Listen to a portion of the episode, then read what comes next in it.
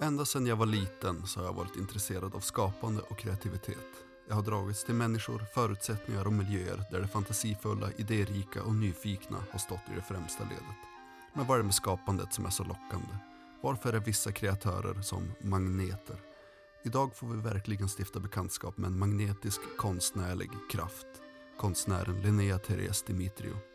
Jag som har spelat in det här pretentiösa introt heter Johan Selstedt och det här är det svåra andra avsnittet av Kill Your Darlings som görs i samarbete med de fantastiska människorna på VK Media, Expression Umeå, Henson och Evermind Design. Tack, förlåt och varsågod. You know, you hear very frequently people say things like everyone's creative. What is it that's special about the human brain that allows creativity to happen? Kreativitet handlar om att tänka två saker samtidigt som man inte har tänkt samtidigt tidigare. And creative people are really different than non-creative people. What is it about these people? Det här går att träna upp. Antingen kan man säga att kreativitet är någonting som är jävla magiskt, eller så är det ju inte magiskt alls. We are all And that's why creativity, seeing differently, always begins in the same way. It begins with a question. What is creativity? Så, Linnea Therese Dimitrio. Hej, Tjenare. hur är läget? Du, det är bara fint. Ja, härligt. Eh, vi sitter i din ateljé.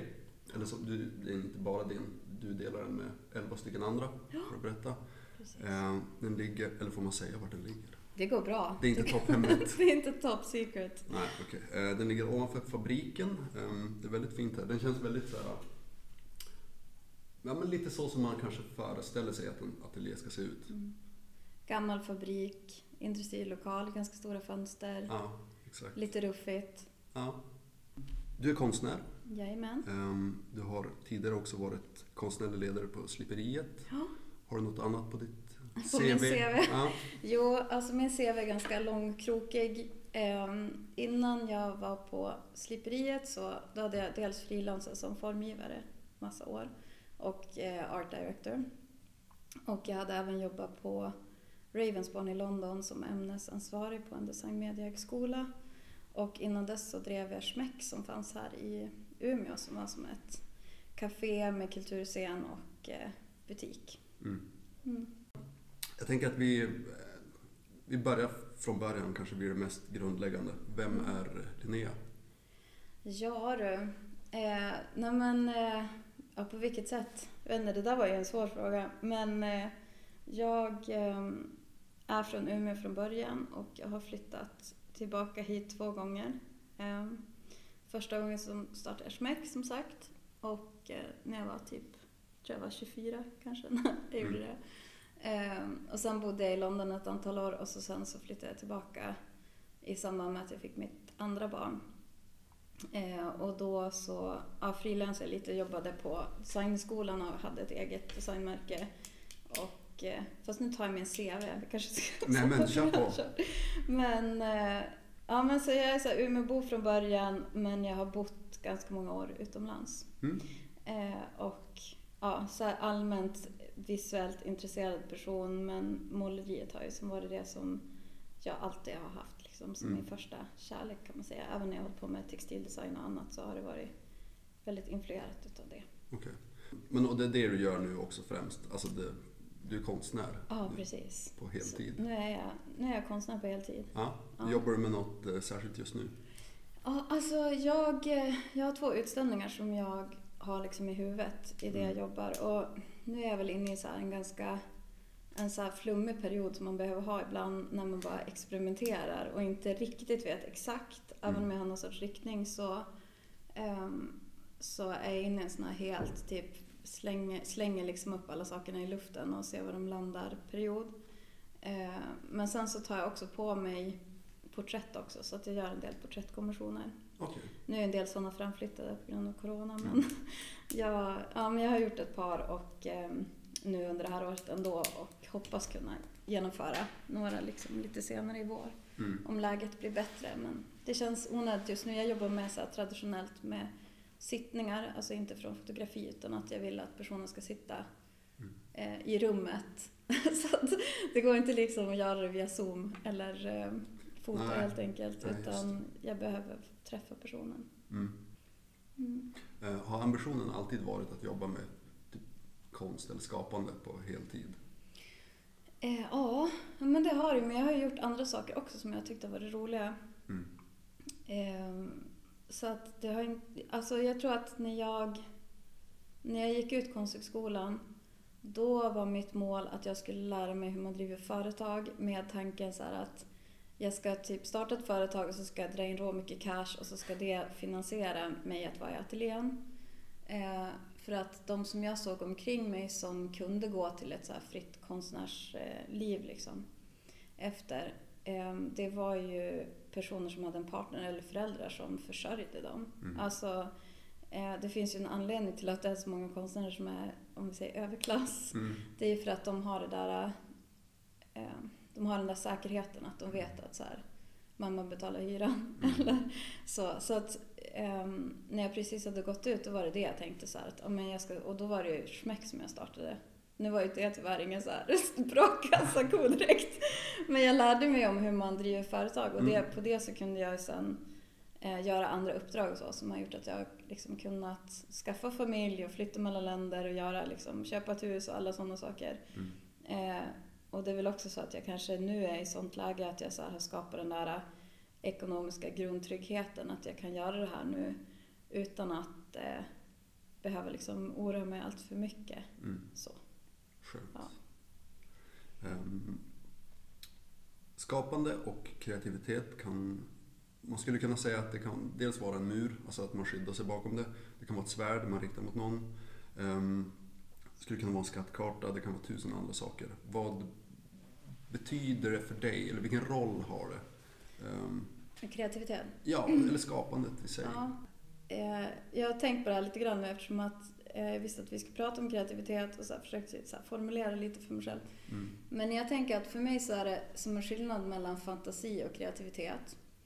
Att eh, om du liksom, du kan ha så här massa tankar men om inte du omsätter dem till handling så är det bara fantasi, då är det inte kreativitet. Jag Mm. tänker att för mig så är kreativitet inte bara att så här, tänka ut någonting utan också på något vis testa det i verkligheten eller applicera det på någonting eller så. Ehm, jag tänker också så att om det är i liksom... Ofta säger man ju så ganska så här, kanske lättvindigt om saker så här, ja men det där är ett kreativt yrke eller så här. Eh, inte vet jag, men det, det betyder ju inte att den personen gör någonting nyskapande kanske. Om man menar så här kreativ, så här, nyskapande. Jag tänker till exempel om du är så här keramiker så visst, Mm. du skulle kunna vara nyskapande inom keramik. Men det kallas ju lite grann så här, ja men det är ett kreativt yrke för att du så skapar liksom kanske krukor eller någonting. Men jag menar, det kan ju vara så här, du gör samma kruka som du har sett någon annan göra så sitter du och gör det i så här åratal. Mm. Att vara kreativ, det kan ju vara så här likväl att du kan ju vara så här lokalvårdare och vara så extremt kreativ i hur du utför ditt arbete. Jag tänker Mm. som att det är både som en, det är som en värdering som man applicerar på vissa yrken. Jag tänker som konstnär, som jag som har så min grund i måleriet så eh, försöker jag ju göra någonting nyskapande inom någonting som har funnits i tusentals år och som är så jättesvårt att göra någonting nyskapande i. Jag tycker att det också är härligt att det finns liksom en, en ram runt det också på något sätt. Att, så här, Mm. att jag försöker göra någonting som sitter fast i den traditionen. Men samtidigt så är det som att stora delar av det jag gör är inte kreativt utan det är så monotont. Alltså det kanske är något skede av det jag gör så är det kreativt men sen är det ju så här timmar där jag gör någonting som kanske inte är så aktiv problemlösning eller Mm. aktivt kreativt tänkande utan som är någonting annat. Eh, så det beror lite grann så på hur man använder det ordet. Men jag tänker så att, att kreativitet tänker jag för mig så här. Då är det nog förmågan att vara så nytänkande och att så omformulera frågan ofta. Till så här att du ska komma på en lösning så är det ofta så här sättet att vara kreativ det är så här att ifrågasätta hela sammanhanget eller begränsningarna kring den så här frågan eller det problemet. Mm.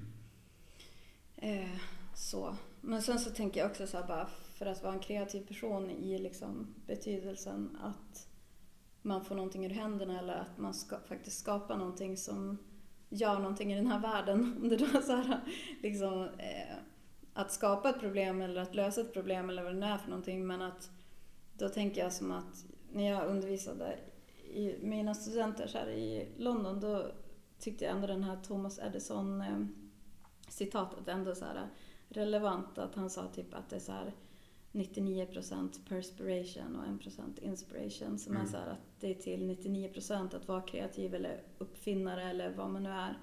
Så är det typ det mesta av det är bara så här ge sig den på att jag ska, jag ska, jag ska göra det här, jag ska lösa Mm. det på något sätt. Och att jag tror också så här som en person som har förväntats att vara kreativ i och behövt vara det liksom i alla yrkesroller och alla liksom sammanhang som jag varit sedan jag gick ut min utbildning så tänker jag så att det, det är hårt arbete. Alltså att vara kreativ, att förväntas komma med så kreativa idéer och så vidare. Alltså det är disciplin typ. Det är inte så här att man känner sig inspirerad och så kommer det någonting så här magisk regnbågsfågel flygande genom huvudet. Det är så här, ehm, det är typ så här bara, men undersöka varje möjlighet i det här. Alltså oavsett om det är så att, inte jag, styla en ko- skokollektion eller eh, vad vet jag, så här, starta ett företag eller vad det än är så är det bara så här research, analys. Bara, varför lösa alla det här problemet på samma sätt och varför, hur skulle vi kunna göra någonting som ingen har gjort förut? Och det är så här bara sjukt mycket hårt jobb. Mm. Ja, Ja. men det tror jag att du har helt rätt i också. Och det är en jag tänkte att vi skulle prata om definitionen av kreativitet, men det fick jag ju nu. Ehm, och det är intressant det du säger att, att vara kreativ är ju kanske... Alltså du gör skillnad på fantasi och kreativitet. Kreativiteten handlar mer om att faktiskt göra det. Ehm, Jag tänker det Ja. på något sätt. För mig själv i alla fall när jag tänker så här att vara, eh, vara som så här, ehm, för det är många som så här gör anspråk på ordet kreativitet. Det känns ju också som så här, alla har det säkert på sin CV så här. Mm. Alltså det är som att nästan alla yrken, förutom kanske att vara revisor, då ska man inte vara en kreativ revisor. Men alltså typ alla nästan yrken så är det så här, men man är kreativ och det blir liksom så här, det är kanske en sån där ord som inte betyder så himla mycket. Det tror jag. Jag tror att det är väldigt urvattnat. Mm. Ehm, hur... Vad man nu än ska kalla det. Eh, men vi, för enkelhetens skull så säger vi kreativitet. Eller skapandet. Eller typ förmågan att kunna gå från fantasi till att faktiskt göra det och att det på Mm. något sätt blir bra. Jag tror att det är någonting man kan öva upp och bli bättre på. Absolut. Det tänker jag. Alltså jag, jag kanske också måste säga det eftersom att jag har så här, eh, ibland haft sådana uppdrag också. Så här, att hjälpa grupper att tänka kreativt. Så jag Mm. måste ju tro på mig själv där i alla fall. Eh, så, men absolut, jag tänker att det finns jättemånga Alltså jag tänker att det är, en, det är en disciplin och ett hantverk på något sätt att vara kreativ. Det är det jag menar också med jobb. Att det, är så här, det finns liksom, jag tänker att det finns metoder kring att vara kreativ. Jag Mm. tror inte att det är så här en, en medfödd egenskap på något sätt. Utan, sen tror jag, jo men alltså, det är klart det finns ju talang också. Det är så att man kan ha en talang Men det är inte någonting. nödvändigtvis samma sak Nej. heller. Eh, men jag tror att man måste, man måste träna upp det där. Mm. Det känns ju väldigt hoppfullt ändå på något sätt. Ja. Um, åtminstone när jag har alltså, själv tänkt på det. Ehm, att så här, ja, men, är det någonting som alla har? Är det någonting som vissa få eh, föds med? Ehm, eller är det någonting som det finns ett, det finns ett litet frö av det i alla som man måste typ Mm. nära och vårda och öva och Mm.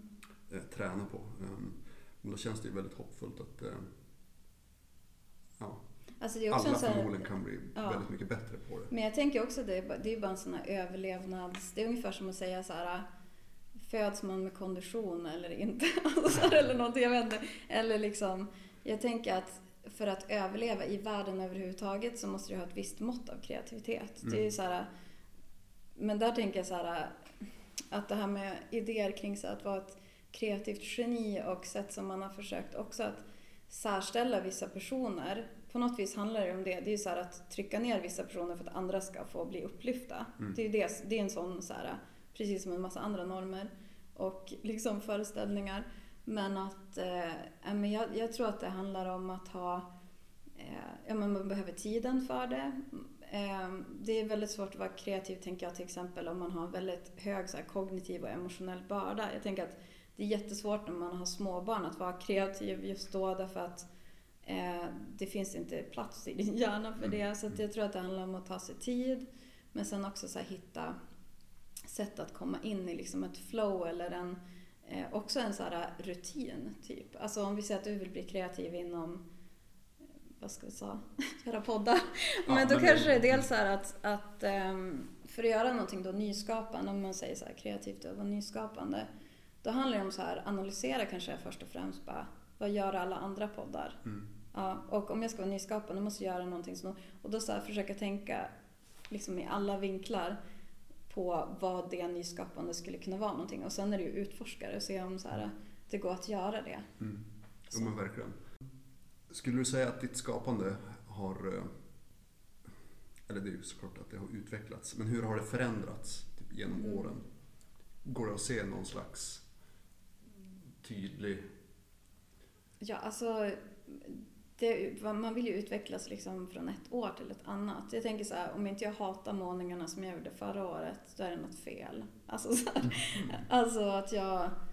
Ja, men det kan ju så finnas vissa saker som jag gjort tidigare som jag har ett, liksom ett, eh, ett mer förlåtande öga till. Och för mig är det nog mer så här, kanske saker som jag har designat, jag kan ha ett mer förlåtande öga. Men måleriet är liksom så att jag eh, jag lär mig hela tiden genom att, så här, att jag, samtidigt som jag gör det så analyserar jag ju hur det kan förbättras. Okej. Så att för mig är det som att, att äh, men alltså, allting jag gjort tidigare, det är som det jag håller på med just nu som jag kan tycka så här, helt okej. Mm. Men alltså det jag har gjort det bara för ett ganska kort tag sedan kan jag tycka så här, nej. Alltså det är väldigt få som är så här, står sig över tid utan eh, Ja men i- rent i så måleriet så utvecklas man ju exakt hela tiden. Men sen tänker jag metoder och processer och så kring liksom skapandet eller kring att vara kreativ. Ehm, där tror jag att jag ändå, även som ganska ung, så att jag hittar de där metoderna redan liksom för hur jag ska hitta på idéer och så. Jag har inte behövt, jag har inte varit så här jättemycket att jag har haft så här typ creative block utan jag har ganska lätt att ta mig ur det. Eh, men sen så tycker jag så att jag har blivit bättre på att använda min tid sedan jag fick barn. Mm. Alltså det är nog den största tror jag, förändringen i... ehm, nu är det så flera år medan jag hade småbarn som jag liksom inte hade den tiden. Och det var den här liksom emotionella kognitiva bördan av att bli förälder som gjorde att det var jättesvårt att göra någonting annat än att liksom dra in pengar och vara med barnen. Ehm, men jag tycker att jag har blivit mycket bättre på att använda min tid. Alltså jag är så sjukt mycket mer effektiv nu än vad jag var innan jag fick barn. Alltså då kunde jag så här kanske sitta och drömma i så här tre timmar istället för att måla. Nu är det bara så här, ja men nu kör jag bara igång direkt. Och jag har en plan så här på vägen till ateljén, då har jag redan så här planerat ut vad jag ska göra för någonting. Och när jag kommer hit, då kör jag igång direkt. Jag sitter liksom inte och bläddrar i en tidning och funderar på alltså, Mm. livet. det gjorde jag ju, alltså när jag var yngre så var det som, det var ju så mycket tid som bara kunde gå liksom. Ja, men det känns ju som en väldigt så befriande att veta att man har den rutinen nu, att det bara kör igång. Alltså Ja. att vara ganska så professionell i Ja. utövandet. Och nu är det ju också att jag, att jag har ju inte heller möjligheten att ha den här, alltså när man är förälder så eh, det är ju som en begränsning det där att jag kan inte så här, om jag är i mitt flow och så här på G och liksom håller på med någonting så kan jag inte bara så stanna uppe hela natten och sen sova nästa dag utan jag, är, ju som, jag har ju en inrutad så här, så att jag är ju väldigt så här traditionella arbetstider. Nu, det är ju så medan barnen är på dagis i skolan så här måndag till fredag så är jag ateljén.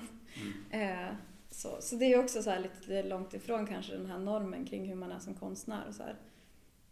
Inte jag, men eh, jag tror du kan, jag vet inte, men den här klichén om en konstnär som väldigt mycket så blandar arbete och fritid på ett annat sätt och kanske lever liksom mer utsvävande generellt Mm. än vad jag gör till exempel. Mm. Okej. Av allt du har skapat och av ja, allt som har hänt kopplat till ditt skapande, Mm. vad är du mest stolt över? Alltså jag tänker inte så, tror jag. Nej. Alltså jag... Eh, jag tänker nog inte så, så mycket på vad jag har gjort överhuvudtaget utan jag tänker bara på att jag vill framåt. Alltså jag så här, sätter mig inte så ofta så här, klappar mig själv på ryggen och bara ja bra. Det kanske jag borde unna mig någon gång. Alltså, nej, eh, jag skulle säga så här att när det kommer till måleriet så är det ju, för mig är det hela tiden, min senaste målning är ju den som är mest intressant. Alltså så, så att Eh, men jag kan ju vara ganska så här nöjd med saker som jag gjort så här senaste halvåret eller så. Men, bakom det, det känner jag att jag kommer förbi de sakerna hela tiden. Och eh, jag tänker också att för mig så är det så här, kanske grunden i så här, hela grejen är att jag vill utvecklas och att det är det som är så sjukt kul med måleri.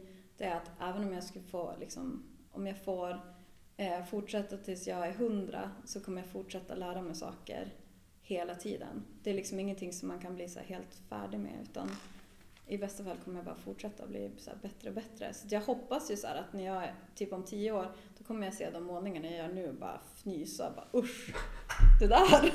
liksom. Mm, Ja. Sen Eh, hoppas jag att andra vill ha dem ändå och köper dem. Mm.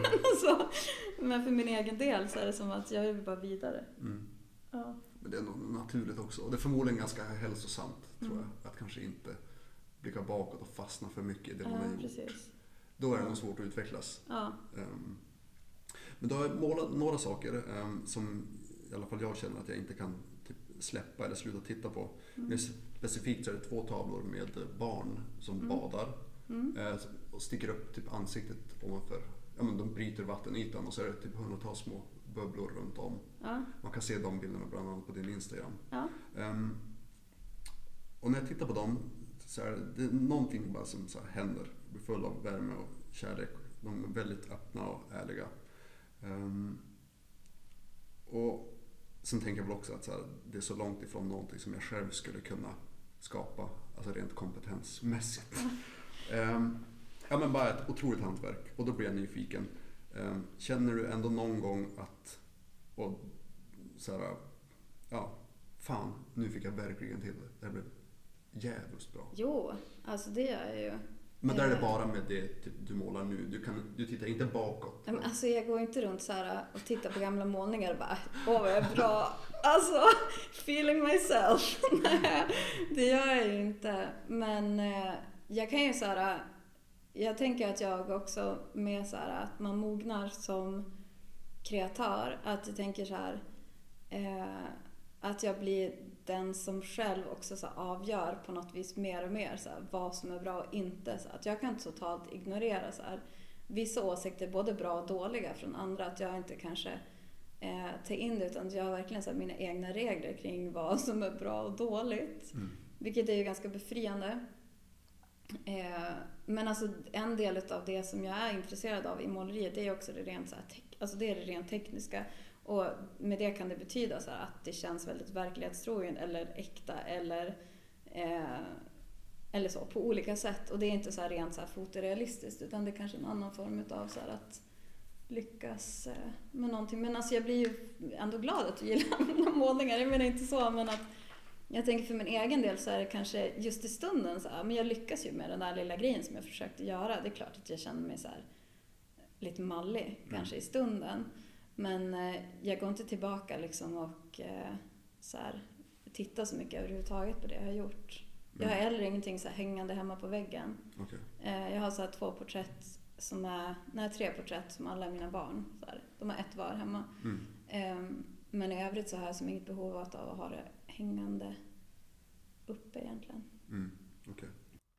Nu har det blivit dags för en hälsning från våra vänner på kommunikationsbyrån Henson. De är verkligen intresserade av det här med västerbottnisk kreativitet och innovation.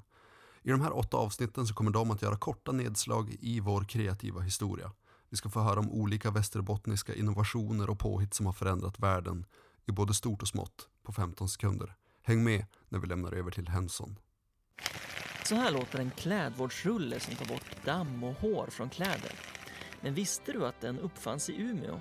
Det var på 70-talet som den här rätt så genialiska innovationen började tillverkas på fabriken på Gimonäs. Ja, ett superfint bevis på den norrländska kreativiteten. Tack så mycket Henson. Hur jobbar du med idéer? Alltså har du bara en bank med minnesbilder in i huvudet? Är det screenshots på telefonen? Anteckningar? Pinterest? Hur? Eh, Eller alltså du det kanske inte nog- ens samlar dem på hög på det sättet? Alltså, nej. Ja, alltså ibland har jag gjort det egentligen för kunders skull. Typ om jag har så här haft ett uppdrag, eh, då har jag gjort en moodboard. Mm. Men egentligen har jag alla bilderna i mitt huvud så måste jag bara hitta rätt referensbilder. Alltså för att kunna visa upp det så visuellt som liksom en, en idétavla. Men som när jag jobbar i ateljén eller så med mitt helt egna skapande där jag inte behöver liksom presentera idéer för någon annan. Så eh, ibland kan det vara så här, några ord som jag, så här, jag kommer på en tanke när jag sitter och gör någonting. Och, då, och det tänker jag också, den här monotona delen i måleriet, det är som också ett tillfälle för mig att så här, sitta och fundera på idéer och då kan jag så här, skriva ner ett ord så att jag inte glömmer den. Sen när jag tittar på det här ordet senare kanske bara, men det där var ju en dålig idé. men alltså jag har liksom lite sådana så lappar på lite olika ställen.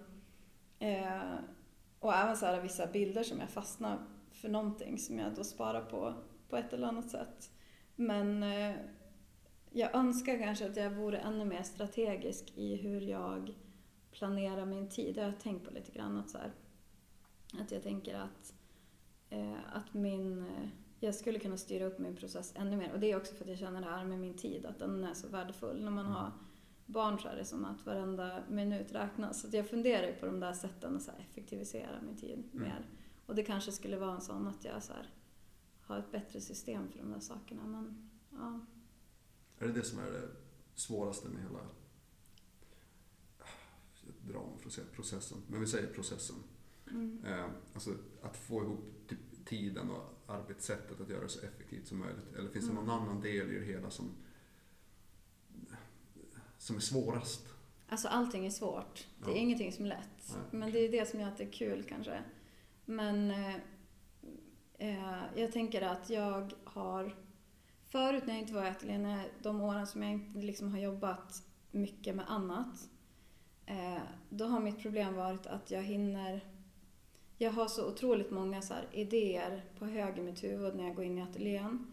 Och eh, jag hinner aldrig arbeta ut, jag hann aldrig arbeta ut dem till en serie utan det var så här kanske en målning på varje idé och så sen då ville jag testa nästa för att jag liksom hann inte göra det fysiskt, de så här tankarna, idéerna jag hade. Ehm, så det tänker jag är en skillnad nu att jag kan, om man får bearbeta idén och jobba praktiskt med den så kan det resultera liksom i en annan typ av utveckling. För att någonstans så blir man ju bara bättre på att måla genom att måla. Alltså mm. man måste göra så här, det praktiska. Man blir bättre på att göra bilder genom att göra bilder. Ehm, man blir bättre på att vara kreativ genom att vara kreativ. Alltså man måste liksom göra det och eh, det, jag tyckte att det var väldigt svårt att ha så en vecka mellan tillfällena i ateljén som det har varit, som när jag har haft minst tid. Mm.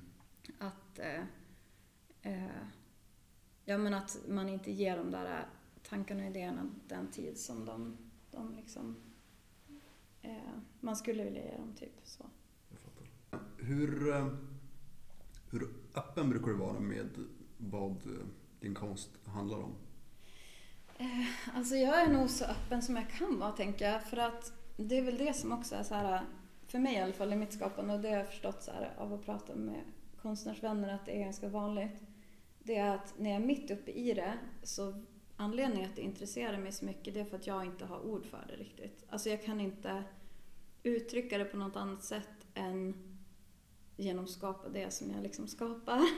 Så att eh, då kan man ju ibland bli så här tvingad att skriva så ett art statement eller så här bara den här målningen handlar om det och det. Men då kan man känna sig som att man är lite så lögnaktig för att på riktigt så vet man inte exakt vad det handlar om. Sen i efterhand när man har kommit över det där, jag tror att det är det också kanske som gör att jag är så ointresserad av så gamla grejer jag har gjort. För att då kan jag titta på det så vet jag exakt, ja men det var när jag funderade på det där och tänkte på det där och utforskade det där. Eh, men jag tror att om jag visste det med de sakerna som jag håller på med för tillfället, då kanske jag inte ska ha intresset för det. Alltså, så fort jag riktigt vet och kan så här formulera det mer exakt vad det är som jag utforskar, då har jag liksom redan kommit över Då vill jag göra nästa grej. Mm. Så att det som jag har framför mig så för tillfället är ganska svårt. Och, men jag tänker typ som den här målningen som du nämnde med ett barn så i, i liksom ett vatten med bubblor runt omkring. Eh, då har jag ju så här, då finns det vissa saker som kanske som jag funderade så mycket på hur man framställer helgon och så drottningar och så i gammalt måleri. Och det där är ju lite som att använda den formen av eh, symbolisk bild som är så att den här kronan har bubblor runt omkring för att göra den en typ av bild som anspelar på ja, men, så här, madonnor och drottningar och det där upphöjda. Liksom. Att, mm. Och jag tänker så att när jag ser den nu så är det, så här, det är ganska tydligt för mig att ja, men det var ju det det handlade om. Och jag hade tittat jättemycket på sådana bilder och det är väl så ganska lätt. Alltså, när jag kommer på det själv så är jag ganska öppen med att så säga vad det handlar om. Jag har som mm. inga sådana att jag tänker att det måste vara mystiskt. Men för mig så är det mystiskt medan jag håller på med det. Men sen i efterhand så kan jag ofta analysera och så förklara det ganska logiskt. Mm. Det jag har gjort. Eller är det bara en efterkonstruktion? Att jag tror att jag vet varför det är efterhand. Men det var så här på, jag vet inte. Ja, precis. Eh, Men tror du att det finns en typ men... Alltså är det så i allt du gör? Finns det en mening eller något du försöker formulera? Typ Ja. varenda gång du skapar någonting. Eh, men det, på något sätt så är det ju det. Ehm, sen vet inte jag hur mycket det är så här. För mig är det kanske inte något, alltså ingenting av det jag gör. Jag gör egentligen så här, till exempel att jag försöker kanske eh, försöker mig på ett liksom budskap som ska vara så tydligt. Eller jag vill gärna så att betraktaren ska få ut någonting. Och det kan vara på nivån så här att det är lite ett skämt i så här min målning som man fattar, tycker jag är rolig. Eller så kan det vara så här att jag anspelar på någonting konsthistoriskt som de som kan den så här, konsthistorien kommer bara aha, typ tycka att det är lite underhållande. Eller kan det bara vara på nivån så här, det här är, jag tycker det här är en fantastisk bild, jag blir så här uppfylld av den. Det är också helt okej. Så att jag tänker inte att så här, publiken alltid måste förstå vart jag kommer ifrån utan så här, jag vill gärna att om de kan uppleva någonting av de sakerna så tycker jag att det är så här perfekt. Mm. Finns det en tanke redan från början eh, när du skapar någonting eller börjar måla någonting att det här det ska visas upp? Eller finns det ett typ förrådsutrymme väst på stan med så här 500 målningar som ingen, inte en jävel kommer att få se någon gång? Eh, Ja, alltså... ehm, allt, alltså någonstans är det så är man ju, jag vet inte, jag som varit både och med det där, som ibland så här... Eh, alltså jag tänker ju ändå att det finns en publik och för mig så ehm, är det klart att jag tänker ju lite så också på att, att den som betraktar den här sen, det är inte bara till för mig skapande utan jag tänker att någon ska kunna se någonting i det eller uppfatta någonting av min så här, inten, intention Mm. i det. Ehm, sen ibland så vet jag inte vad jag riktigt ska göra när jag börjar. Jag har bara sagt att jag vill testa någonting jag inte riktigt vet. Och det där kanske kommer efterhand också, en del av det, så här, vad man väljer att visa och inte visa. Alltså ett urval när jag har gjort ett antal. Liksom. Då kan jag gå tillbaka till dem och se så här, hur läser, om jag försöker vara objektiv nu och läsa det här, eh, hur kommer någon uppfatta det här i en kontext? Mm. Och då kan jag ju så här, redigera liksom, lite grann. Ehm, sen är det också en del målningar som så här, jag kanske är förtjust i dem men jag känner så här, det här är ingenting för en publik. Mm. Alltså eh, experiment som inte hamnar där. Ehm, jag har inte 500 kvadratmeter förråd men jag har eh, sjukt mycket gammal skit. Mm. så här, och eh, jag har varit nära så här, någon gång att slänga en del grejer som jag har gjort när jag var yngre. Men då är det så här, närstående personer som har tyckt att jag inte ska slänga det. Men jag känner bara så här, jag kommer aldrig visa det. Så här, bränn det typ. ja. Ja. Um, hur ofta händer det att du blir klar med någonting, du tittar på det och så bara Vad är det här? Nej, det här, det, Ja, typ varje dag. Är det så? Jo. Jaha. Ja. Ja. Nej men så är det nog. Alltså jag, jag börjar på en idé och så funkar det inte. Så målar jag över det. Mm. Alltså det, det händer ganska... Det händer ofta. Så jag har ingen så här, Jag har inga problem med det. Om det inte går någon vart. Det, klart, det kan ju kännas surt någon gång när man har jobbat på något i så här en vecka. Och så bara, nej men det här blir inget bra. Men då lämnar jag, antingen lämnar jag det och kommer tillbaka till det. Eller skrotar jag det bara. Skönt. Mm. Är skapandet alltid kul? Nej. Alltså jag vet inte, kul är kanske inte rätt ord. Men... ehm, Givande? Givande, ja. Ja men det tycker jag. Alltså jag tycker att det är utvecklande. Och det är också att vara så här... Eh, alltså allting som är utvecklande är ju roligt på något sätt. Men en del utav, alltså för att utvecklas så måste man också kämpa och det är delar som är tuffa i det. Mm. Annars så skulle man nog inte tycka att det var så givande och roligt tänker jag. Eh, men jag vet inte om jag skulle säga så här, kalla det för roligt. Men det är ju som också ett, typ ett behov på något sätt. Så här, att göra det. Och för mig så tror jag också att, så här, att jag, jag tänker väldigt mycket bilder. Ehm, och eh, det är också på något vis, för mig så är det som ett sätt att så arbeta igenom olika saker. Kanske så känslomässiga eller psykologiska eller så filosofiska eller vad det nu är för någonting. är ju som mitt sätt att göra det är inte att prata om det eller skriva utan det är så att försöka göra något sorts objekt eller en bild utav Mm. den saken. Men jag tycker att det skiljer sig också när jag jobbar som formgivare och när jag jobbar som frikonstnär. Det är som två olika saker för mig.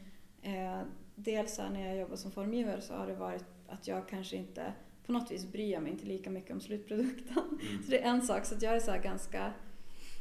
Eh, alltså jag har inte lika... Jag har inte lika mycket så här, varken ångest eller liksom... Eh, ska säga, det är inte lika känslomässigt för mig som måleri. Så att så här, ja. Men, men, kan det vara för att det inte vad ska man säga, representerar dig ja, på något sätt? Eller på samma sätt i alla fall? Ja, men ja. precis. Ja, men jag tror det. Att det är lättare så för mig. Det känns inte lika nära kanske. Mm. Eh, så. N när är det minst roligt? Alltså om det är svårt att säga när det är roligt eller om det är roligt. Mm. Men när är det minst roligt? när är det minst roligt? Du tänker att vara kreativ eller? Ja men i ditt uh, skapande. När det är minst roligt? Men det är väl kanske när man känner bara så att man har gjort något riktigt dåligt. Alltså man så här inser bara, jag, jag har lagt tid på något som bara totalt misslyckades. Mm. Eh, så. Ja. Men sen så tänker jag också så att man, det är också en del av att utvecklas också så att just att fundera så här, vilka regler förhåller jag mig till? Och vem är det som har satt de reglerna? Är det jag själv eller är det mm. någon annan? Eller, och försöka liksom ändå på något vis här, kunna kliva ur och så här, förhålla sig objektivt till saker och ting. Mm. Mm. Ehm, jag har en, ehm, jag tror, ganska banal fråga. Ja. Jag är nyfiken på om man som konstnär kan ha en, eller kan ha, men en favoritfärg. Eller snarare en så favoritkombination av färger? Mm. Kan man tillåta sig det? Man kan absolut tillåta sig, men jag skulle säga att, att det där varierar ju jättemycket. Det finns ju vissa färger som jag så här återkommer till. Um, Alltså jag skulle säga typ som en Kleineblå, blå färg. Alltså en så här eh, djup blå färg som gränsar något till grönt. Pyttelite till grönt. Det har nog så varit en färg som jag så här varit förtjust i perioder. Eh, väldigt länge. Det är typ den så här blå färgen som Picasso hade sin blå period, ungefär den typen av blå, okay. blå, blå färg. Men sen så tror jag att för mig så är det också att, att jag gillar ju på riktigt alla färger i rätt kontext. Mm. Men sen så tänker jag så att det finns vissa färger som är också så symboliskt laddade som jag kan vara förtjust i rosa eftersom att det är så en feminin färg och eh, som är så här, som också som, det har det här både så här, ska vi säga, empowering typ kvalitet men också som en så nedsättande så att det är en tjejig färg. Mm. Alltså jag kan som att så här, utifrån det så kan jag vara förtjust i den färgen för att den har någon så sorts symbolisk liksom, laddning kanske. Men helt beroende på kontext. Men jag har ju också så här, all så här, eh, jag har ju så mycket i bagaget också när jag tittar på en färg. Alltså utifrån så här konsthistoria och mm. Så visuell kultur och så. Så att jag kan ju lägga in väldigt mycket symbolvärde i olika färger och olika färgkombinationer. Som jag tänker kanske mer än vad gemene man. Förmodligen, ja. ja. men, jag. men jag har, kan ju absolut så bli kär i en färg och bara åh, den här mm. färgen. Men det är oftast en period och så sen så då går jag kanske vidare. Jag är inte så trogen mina ja. favoritfärger. Har du en affärsidé inom de kulturella, kreativa och konstnärliga näringarna och vill utveckla den till ett hållbart företag? Då ska du ta kontakt med företagsinkubatorn Expression Umeå en av dem som har fått hjälp med att utveckla sin idé är Erik på Momotion som vi nu ska få en hälsning från. Tjaba! Erik Modin från Momotion här. Jag har valt att utveckla min affärsidé hos Expression Umeå. Förutom att utmanas av mina affärscoacher får jag möjlighet att workshoppa med branschexperter, sitta i en kreativ och härlig coworkingmiljö och kanske bäst av allt vara en del av ett större community. För mer info, besök expressionumia.se. Expression Umeå Creative Minds Unite. Om man är intresserad av konst, i alla fall ytligt intresserad av konst, mm. som jag tror att många ändå är. Mm. Um, jag tror att det är väldigt lätt att man har en romantiserad bild eller föreställning av konstnärslivet. Då. Man tänker typ New York, så här mm. vindsvåningar, rödvin, ja. jag, enorma ateljéer. Um, mm. Allt det här typ urbana och bohema. Precis. Uh, det är ju såklart ganska många mil ifrån sanningen och verkligheten. Mm. Hur är det att vara konstnär i Umeå? Är det precis så? det är precis som att vara i New York med en enorm vindsvåning. Eh, nej, det är det ju inte. Alltså, eh, jag kan ju inte säga hur det är att vara konstnär i Umeå annat än så som jag liksom lever som konstnär. Mm. Eh, så det finns ju så fördelar med att vara här. Att man kan göra sin egen grej. Man har inte så ständiga ögon på vad man håller på med. Så att vara så här i periferin är en bra grej på så vis. Det jag kan sakna som jag har liksom skapat så här, substitut för det är ju att man inte har så många andra runt omkring sig som har samma perspektiv på det man gör. Mm. Så att det är ganska få personer. Så att jag till exempel har haft kontakt med Marianne Arnlund som har varit gallerist här i Umeå som är en sån typ så mentorperson som har kunnat så komma hit och kika eh, på det jag håller på med till exempel. Och sådana personer blir så här jättevärdefulla för att det finns inte så många som man känner har den där äh, kritiska blicken kanske på det. Man, man får inte det där kritiska utbytet med, med så många andra. Eh, sen så finns det ju också så andra, en del andra som eh, ja, men tidigare så har jag eh, delat ateljé både med så här, Ingela Nilsson som är konstnär och Lotta Lampa som är designerkonstnär. Madeleine Silfors som är curator nu och konstnär fortsatt. Eh, ja, men och de som är liksom i ateljén nu och de är ju också så här, det är ju fantastiskt att ha i alla fall så här konstnärer runt omkring sig men de är ju kanske inte så inne på måleri på samma sätt som jag riktigt, alltså de har inte riktigt samma perspektiv så att det är svårt i en mindre stad att hitta det så kritiska utbytet med, med andra konstnärer. Mm. Um, och sen så tänker jag så här, ja, men man hittar ju så andra liksom, jag vet inte, men det finns ju jättemånga kreativa människor i Umeå. Eh, men kanske inte som jag kan prata med så här, måleri specifikt med. Alltså typ Monica Kitschau till exempel är stylist och vi kan prata om så visuell kultur till exempel. Eh, och jag har så ett, ett um, jag har en pakt med, en, med Eva Gustafsson som är författare. Att vi så här, nu på fredagar så skickar vi varandra det vi har gjort under veckan. Mhm. För hon håller på att skriva en så här roman och jag eh, håller på att så här, klura ut min nästa utställning. Så det är så att vi har liksom en fredagsrapport att vi måste mejla det vi har gjort under veckan eftersom man är så här. Liksom. Um, och jag har också så här, någon konstnär i Tyskland som vi så här, nu pratar på Zoom så här, en gång i månaden ungefär och bara ja, men diskutera så här, vart vi är någonstans och så.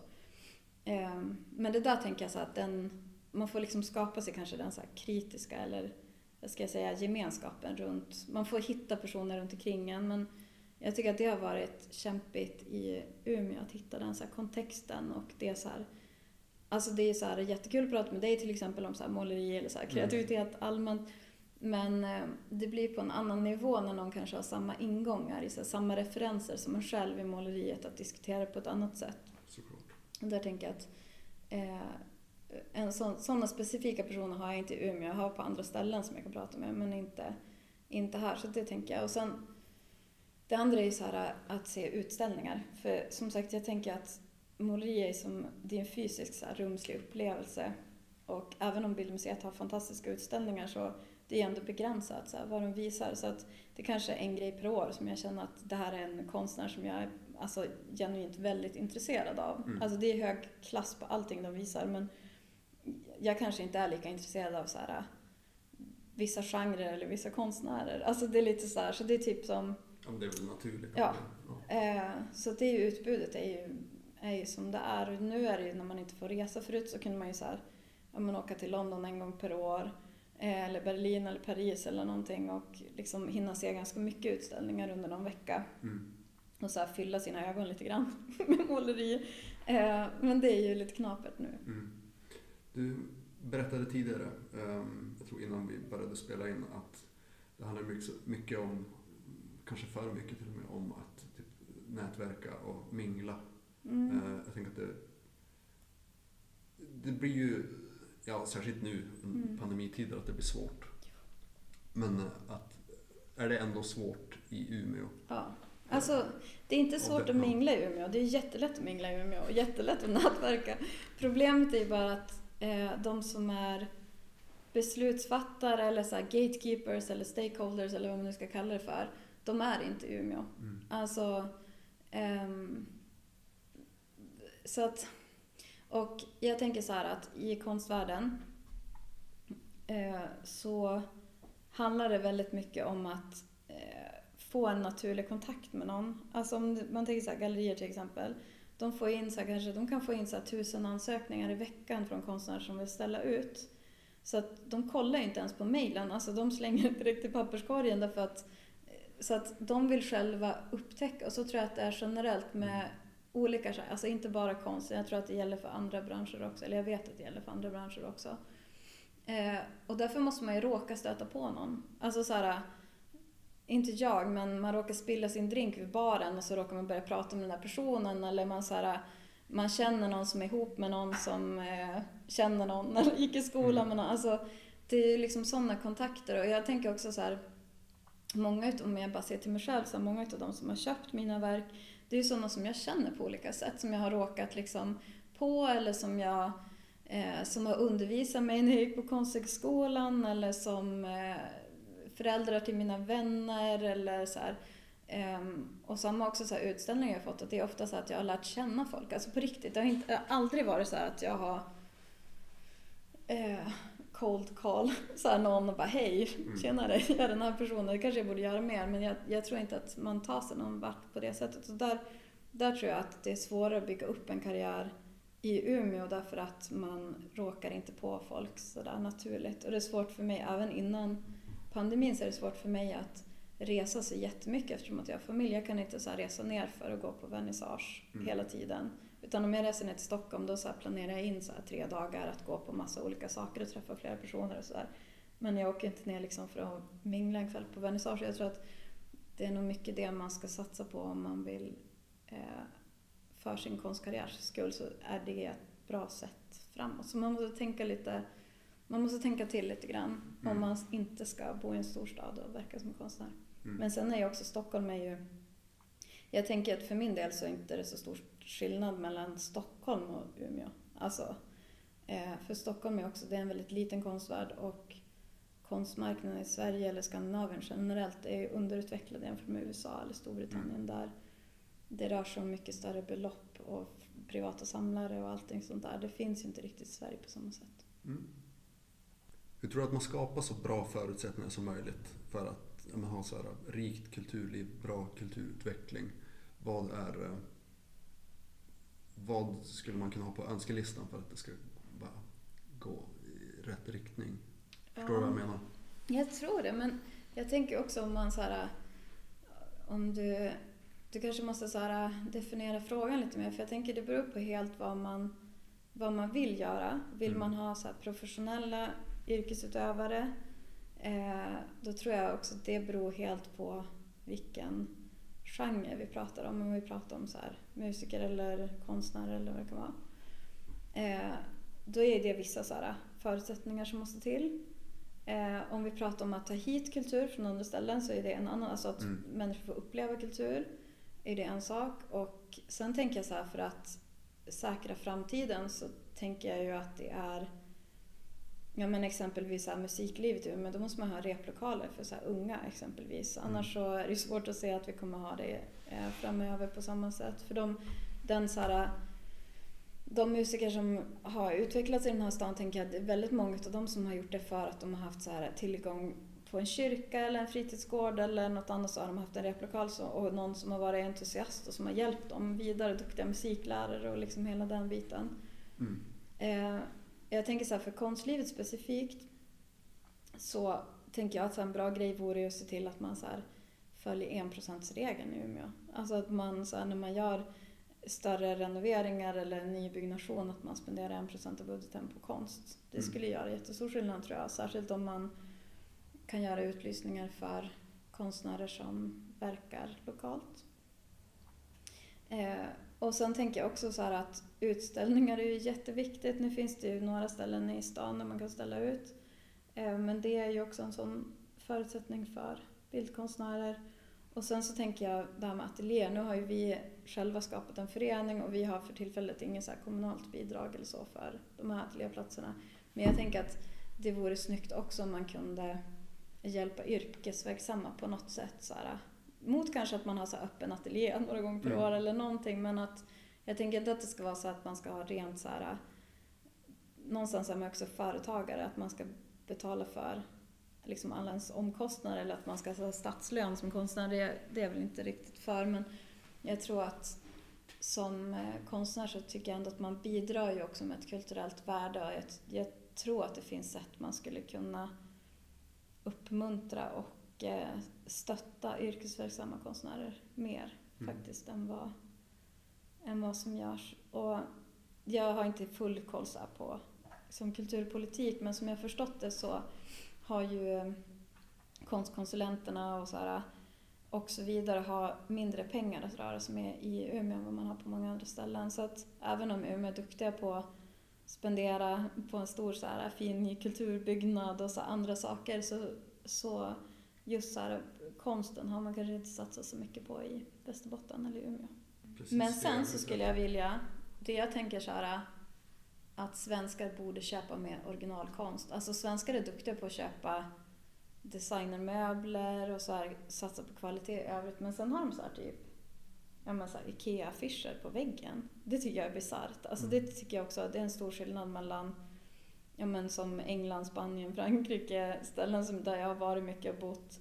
Eh, att där är det så även så vanliga medelklassfamiljer, de spenderar ändå på så originalkonst och tänker så att jag bygger upp en samling som, jag, eh, som får gå vidare till mina barn. Och det tänket eh, finns inte riktigt i Sverige. Det tänker jag att det, eh, det tänker jag som att svenskar skulle kunna bli bättre på. Att mm. köpa originalkonst. Typ. Mm. Om man tycker att det är viktigt. Ja, men det känner jag igen och känner mig träffad av också. Jag vet att vi förmodligen har en mm. poster hemma någonstans. Ja. Jag ska smsa min fru på vägen hem och säga att, vi tar ner den. Ja. Om man som ung, ambitiös, skapande människa, eller konstnär kan man säga, mm. vill ta nästa steg i sitt skapande. Vad, hur brukar man göra då? Eller vad kan man göra? Alltså, ordnar man en, första steget att ordna en utställning på något sätt?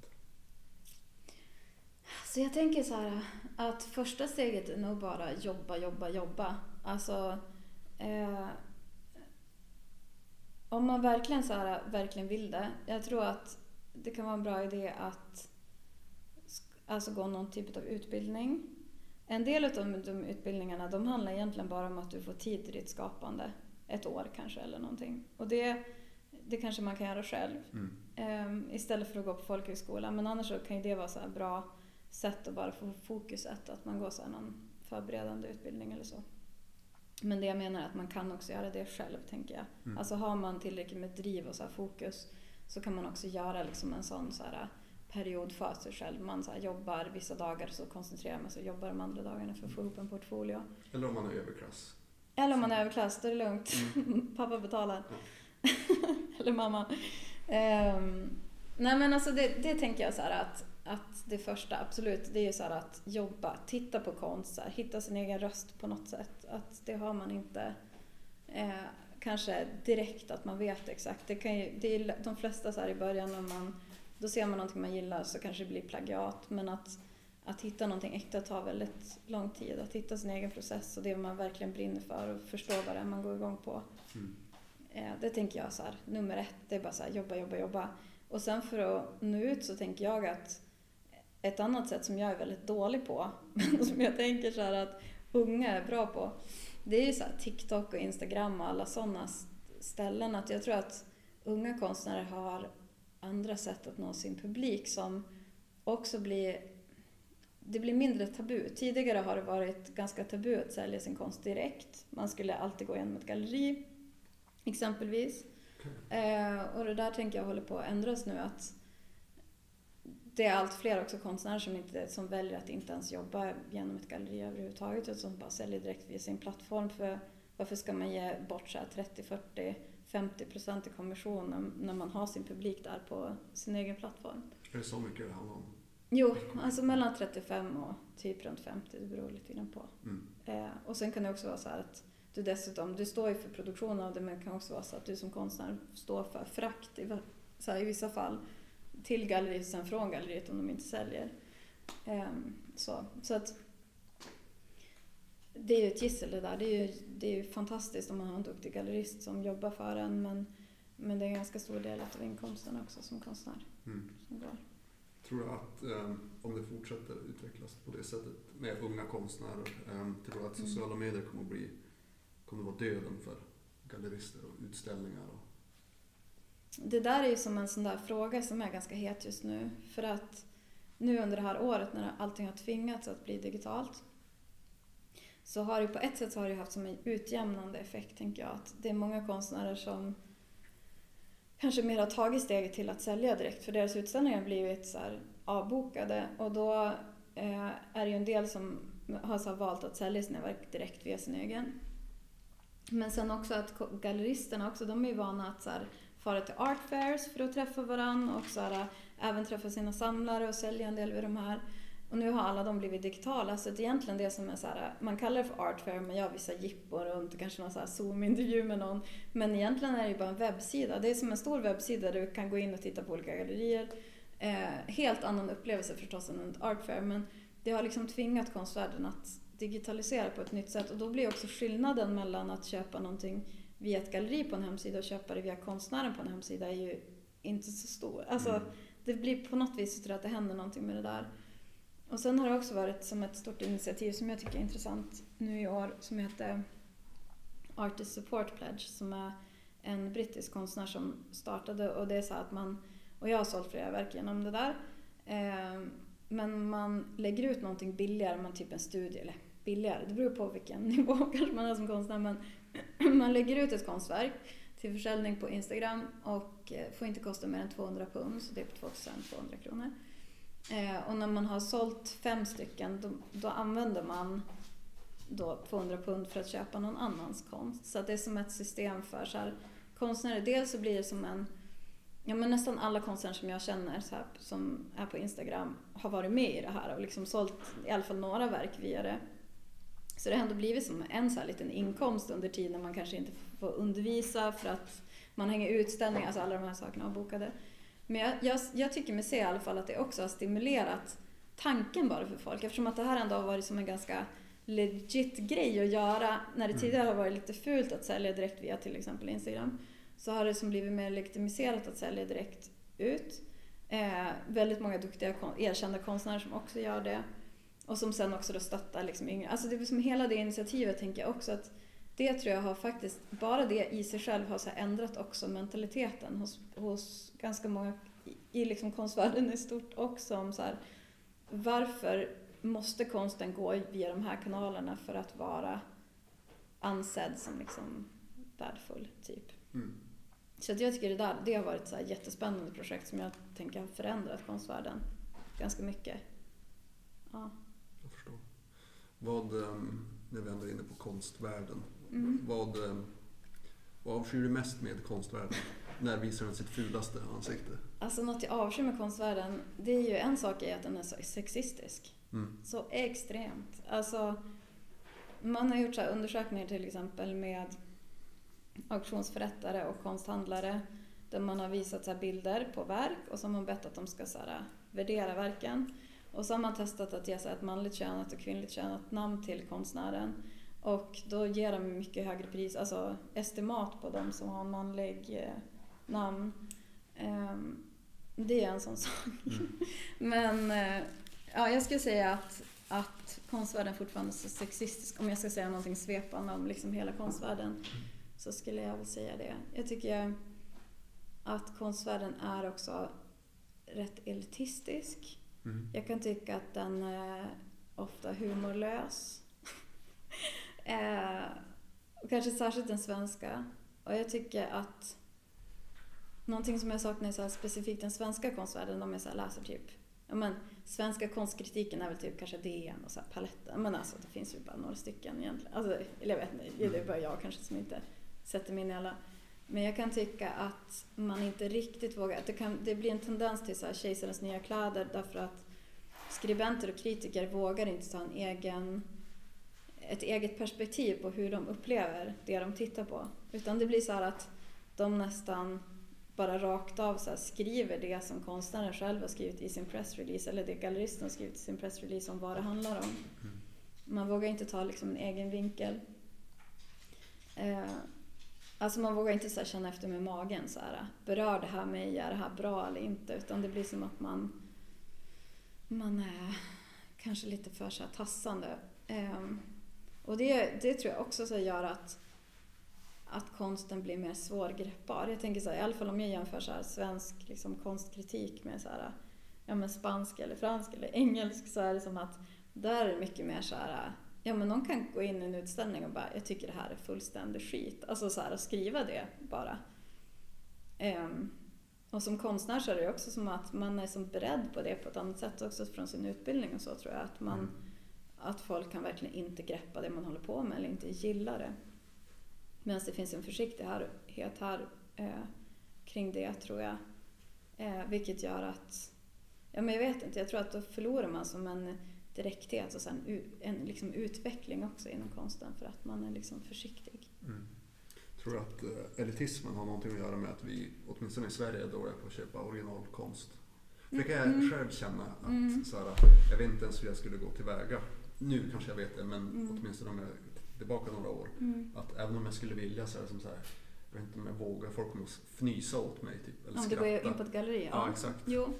Nej men alltså det, absolut. Och det är ju för att det Ja men det är ju många gallerier som är jättesnobbiga. Det finns ju gallerier du går in och det finns, inga, så här, det finns ingen prislista.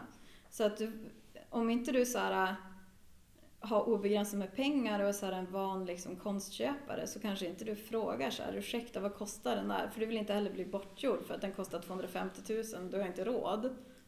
men du vet inte, det kanske kostar 5 000 och du har råd. Men alltså, det är som att, um, ja men det finns mycket i det här, tänker jag, att Å ena sidan är det så här äh, super det är superelitistiskt och konst är ganska dyrt och det blir det för det är dyrt att producera och dessutom finns det liksom de här påslagen genom till gallerister och så vidare. Ehm, men sen är det också bara så att det är en svår liksom, värld att eh, komma in i. Alltså även som köpare eller liksom konstpublik så eh, det är lätt att känna sig dum när man går in på ett konstgalleri. Mm. Eller när man träffar en konstnär kanske. Ja, jag hoppas att jag inte gör, så här, gör ett elitistiskt och stroppigt intryck. Men Nej. Det är klart, det är också så en specialism. Alltså man har, det är ju någonting som också så här, som samlare eller köpare så måste man ju sätta sig in i och hitta sin egen, vad jag gillar och allting sånt där. Mm. Men ja, det är, det är absolut elitistiskt. Mm. Absolut. Men hur prissätter man konst då? Um, finns det någon slags formel för det eller helt godtyckligt? Eller är det... Ja, alltså... eh, något enkelt sätt att göra det Ett på. enkelt sätt att, att eh, prissätta. Alltså ett sätt är ju att tänka så här, vad behöver jag för månadslön? Och så sen räknar man bakåt. eh, men då måste man ju också tänka på att ja, man kanske inte säljer allting som man skapar. Så man kanske kan skapa, om vi säger så här att jag tänker att ja, men jag vill ha jag vill ha 30 000 i månadslön, då måste jag sälja för 50 varje månad. Och så säger vi att ja, men jag kan sälja tre verk i månaden. Då, mm. då delar jag 50 med tre konstverk. Alltså, men det, ja, det, det är knepigt för det, det är fler liksom, faktorer som spelar in. Eh, det är ju så här hur eh, utvecklad du är som konstnär, vad du har sålt dina verk för tidigare. Eh, jag har ju så haft lite om jag ska tala utifrån mig själv så har jag faktiskt gått ner lite i pris nu när jag har börjat sälja i Sverige. Alltså jag har sålt mina verk dyrare tidigare i Storbritannien. Eh, och det är ju lite konstigt så att tio år efter så ligger man typ kanske på samma prisnivå eller till och med lägre. Men det är för att konst i Sverige är så pass mycket billigare än mm. vad man betalar för i, i Storbritannien. Så jag har ju justerat ner lite med tanke på att ja, men, på sikt så kommer jag kunna börja höja. Men det är ju det är ju också så marknaden som avgör. Alltså, det är svårt för mig att sälja målningar för 30 000. Jag måste sänka till 20. Mm. Alltså, um, ja, bara på grund av de liksom, förutsättningarna som finns med vem som är villig att betala och så vidare. Men sen det andra är också att om um, Eftersom att man också räknar in att man ska kunna sälja, om jag ställer ut via ett galleri så ska jag kunna hålla samma priser som om jag säljer direkt innebär det också att jag måste baka in det i mina priser. Så att om jag säljer någonting till dig för, så här krasst, om jag säljer någonting till dig för 20 så måste jag vara villig att via galleri sälja det för kanske 11 000 då eller något sånt där. Alltså, för att man kan, jag kan inte hålla, om jag ska sälja via gallerister så kan ju inte jag sälja mycket dyrare via dem för då blir det dålig stämning. Så att om jag, om jag säljer någonting liksom direkt då måste jag försöka på något vis ändå harmonisera priserna men med åtanke att jag kan förlora 35 eller 45 procent av priset om jag säljer det här mm. på ett galleri. Um, men det beror ju helt på vad man gör för någonting. Jag tänker att eh, konst är svårare än om vi säger till exempel illustration så kan det finnas lättare sätt att räkna ut vad man ska ta betalt än, än för, för konst. Men någonstans är det så här, marknaden, hur mycket det kostar mig att göra det här, vad materialpriset är för någonting eh, och liksom vad andra konstnärer i, på min nivå, eller vad man ska säga, säljer sin konst för. Mm. Så man gör ju som en beräkning liksom och har man tur då har man personer som man kan rådfråga, alltså som mentorer eller en gallerist eller så som man kan diskutera priserna med. Men, men det är ju... Ibland kan man också känna så här, men jag vill hellre att du har den här tavlan än att den ska vara kvar i mitt förråd så du får köpa den billigt liksom. Mm. Eh, så, eller ibland så är det att man har gjort någonting jättehastigt och egentligen kanske det bara tog två timmar. Men man kan inte ta betalt för två timmar för det är ändå så här, det är ändå en oljemålning, det är ändå så här allmän utbildning, allting som har gått in i den här. Ja, så det är inte så här, ja men det är inte... Det är ju, egentligen är det ju mer än två timmar ja. som krävdes. Ja men exakt. Mm. Ja men jag fattar finns det en logik bakom i alla fall. Men för mig så tänkte jag så här med kreativitet också.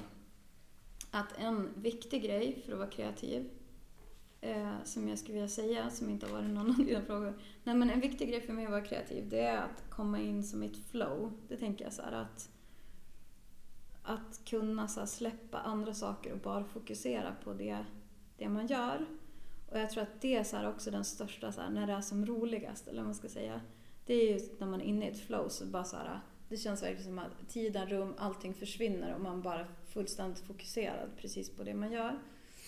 Um, och det är kanske det som är mer mitt payback än att jag får en målning sen i slutändan som jag så känner mig stolt över. Mm. Alltså att min så belöning är nog inte att vara stolt eller känna så här, åh vad jag är duktig. Uh, utan det är nog så att kunna försvinna in i det helt och hållet. Alltså så försvinna in i den där processen. Eh, och det tror jag också så här, är en teknik som man kan öva upp. Ja. Eh, och när jag så här, undervisade i London då tog jag in så här, ganska bisarra föreläsare. Bland annat så tog jag in så här, jag hade både så en eh, accountant, för så här, bokföringskonsult som också var magiker som var så jätterolig som brukade göra kort korttrick och prata om bokföring för det var ju så här tråkigt ämne. Så då så här, jazzade han upp det med så. Men jag hade också, förutom honom så hade jag också en person som var poet och eh, hypnotisör. Eh, och han sa också, det finns typ en jättebra eh, bok som säkert finns fortfarande ute som han har skrivit så gra gratis. Han heter Mark McGuinness. Och han har skrivit en bok som hette Time Management for Creatives. Det var så en stor, eh, ja liksom, den har blivit nedladdad hur många gånger som helst och folk använder den där. Men han pratar om så här, hur man kan så här, vad heter det, short circuit, eller men så här, koppla om hjärnan så att man väldigt snabbt kan komma in i ett flow. Eh, och jag tänker det här med att jag direkt jag kommer till ateljén så börjar jag jobba direkt. Alltså jag som så kommit in i det så här att jag ödslar liksom ingen tid på att fundera, vänta på inspiration, utan jag bara så här, kör. Det är som min grej. Och jag behöver inte så mycket så stimulans men han så här, ja men han är som sagt hypnotisör från början och har ju då så här massa tekniker kring så hur man sätter in sig själv i så här visst eh, liksom, eh, ska man säga? Tillstånd. Ja, här, ja tillstånd exakt. Eh, så han var ju också att han hypnotiserade ju lite mina studenter för de skulle så skriva och det är väldigt många så kreativa som har svårt för att skriva så han så hjälpte dem också med sådana så att kunna sätta sig ner och skriva. Det var jättesvårt så här, och hitta fokuset för det. Men i alla fall, men i den här boken och i hans föreläsning så då pratade han om hur olika så författare och konstnärer och så här, eh, ofta har nästan som talismaner som de använder för att komma in i sitt flow. Eh, och exempelvis att jag sätter på mig den här morgonrocken och sätter mig, sen skriver jag i tre timmar. Alltså jag vet att, och då lär man sin, alltså man lär sin kropp att alltid göra på det sättet. Så att det kan också vara så att du ska dricka en viss typ av te. Eh, många gånger har vi så alkohol, att, och det kanske också har lett till att många så författare eller andra har blivit så alkoholister eller alltså andra droger för att de har associerat den drogen med sitt skapande så att de har använt den för att kunna komma in i det där. Liksom. Mm. Men som att man nästan tvingar fram ett muskelminne? Ja men precis så. Så att, eh, så att när du har gjort det där tillräckligt länge så behöver du bara liksom, ja, efter ett tag så behöver du bara göra de sakerna. Du sätter på dig rocken, du så här, brygger kamomillte. Sen vet du så här, nu vet jag, hela min varelse vet att jag ska bara skriva nu i tre timmar och då gör du det. Alltså, och första gångerna då måste du liksom träna dig och tvinga dig själv till att göra just de där grejerna. Mm. Men sen räcker det bara så här, lukten av kamomillte och känslan av den där morgonrocken du har på dig gör att du mycket snabbare kommer in i det där. Mm. Jag förstår precis. och jag har haft um, själv problem med det där tidigare. Eller jag lyckades på något sätt måla in ett hörn. Uh, för jag skrev väldigt mycket förut och då uh, pendlade jag mycket så jag satt mycket på bussen och då, mm. uh, bara för att det var så smidigt så skrev jag på telefonen mm. i brist på annat. Typ. Ja.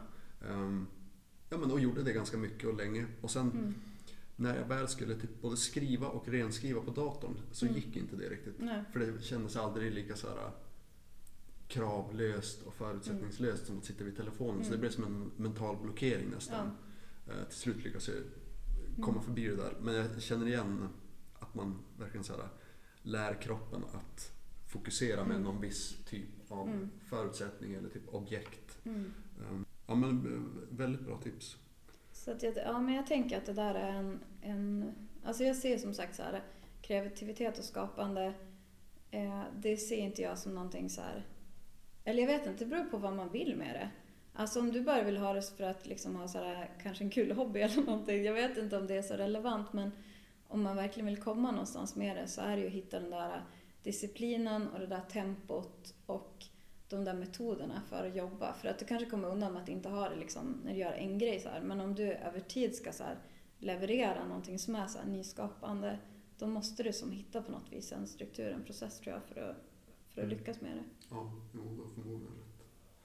Är det sämsta rådet du har fått kopplat till kreativitet eller skapande? Eller i ditt fall kanske mest konst?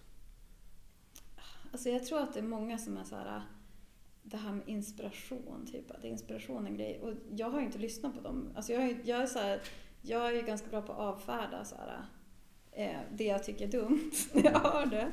Så jag vet inte om någonting har fastnat. Alltså det finns ju så här RuPaul-citat som jag tycker är sjukt bra som är så här If they ain't paying your bills then you pay them bitches no mind. Så här, att typ eh, så.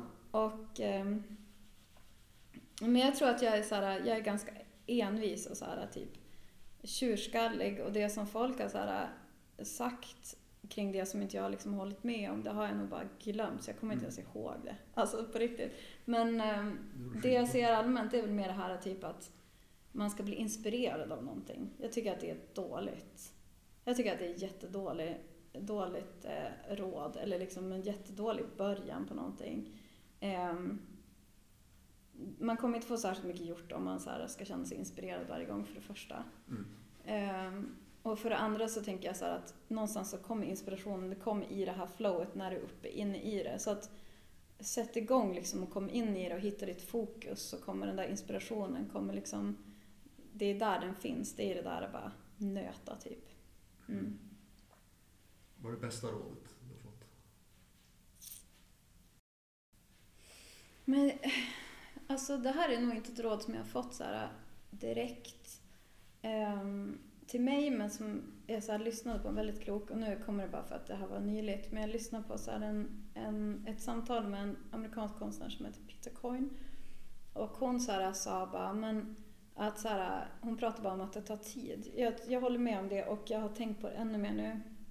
För jag har ändå haft den inställningen men så att det är väldigt många saker som, som handlar om tid. Att man inte så här, eh, jag tänker att vi lever som i en värld där allting är så instantaneous, eller vad säger man, så ögonblickligt och liksom direkt och så här, man får, man, ska, det är också, man får också intrycket eftersom att man med sociala medier och annat, så att man har tillgång till så mycket som händer hela tiden.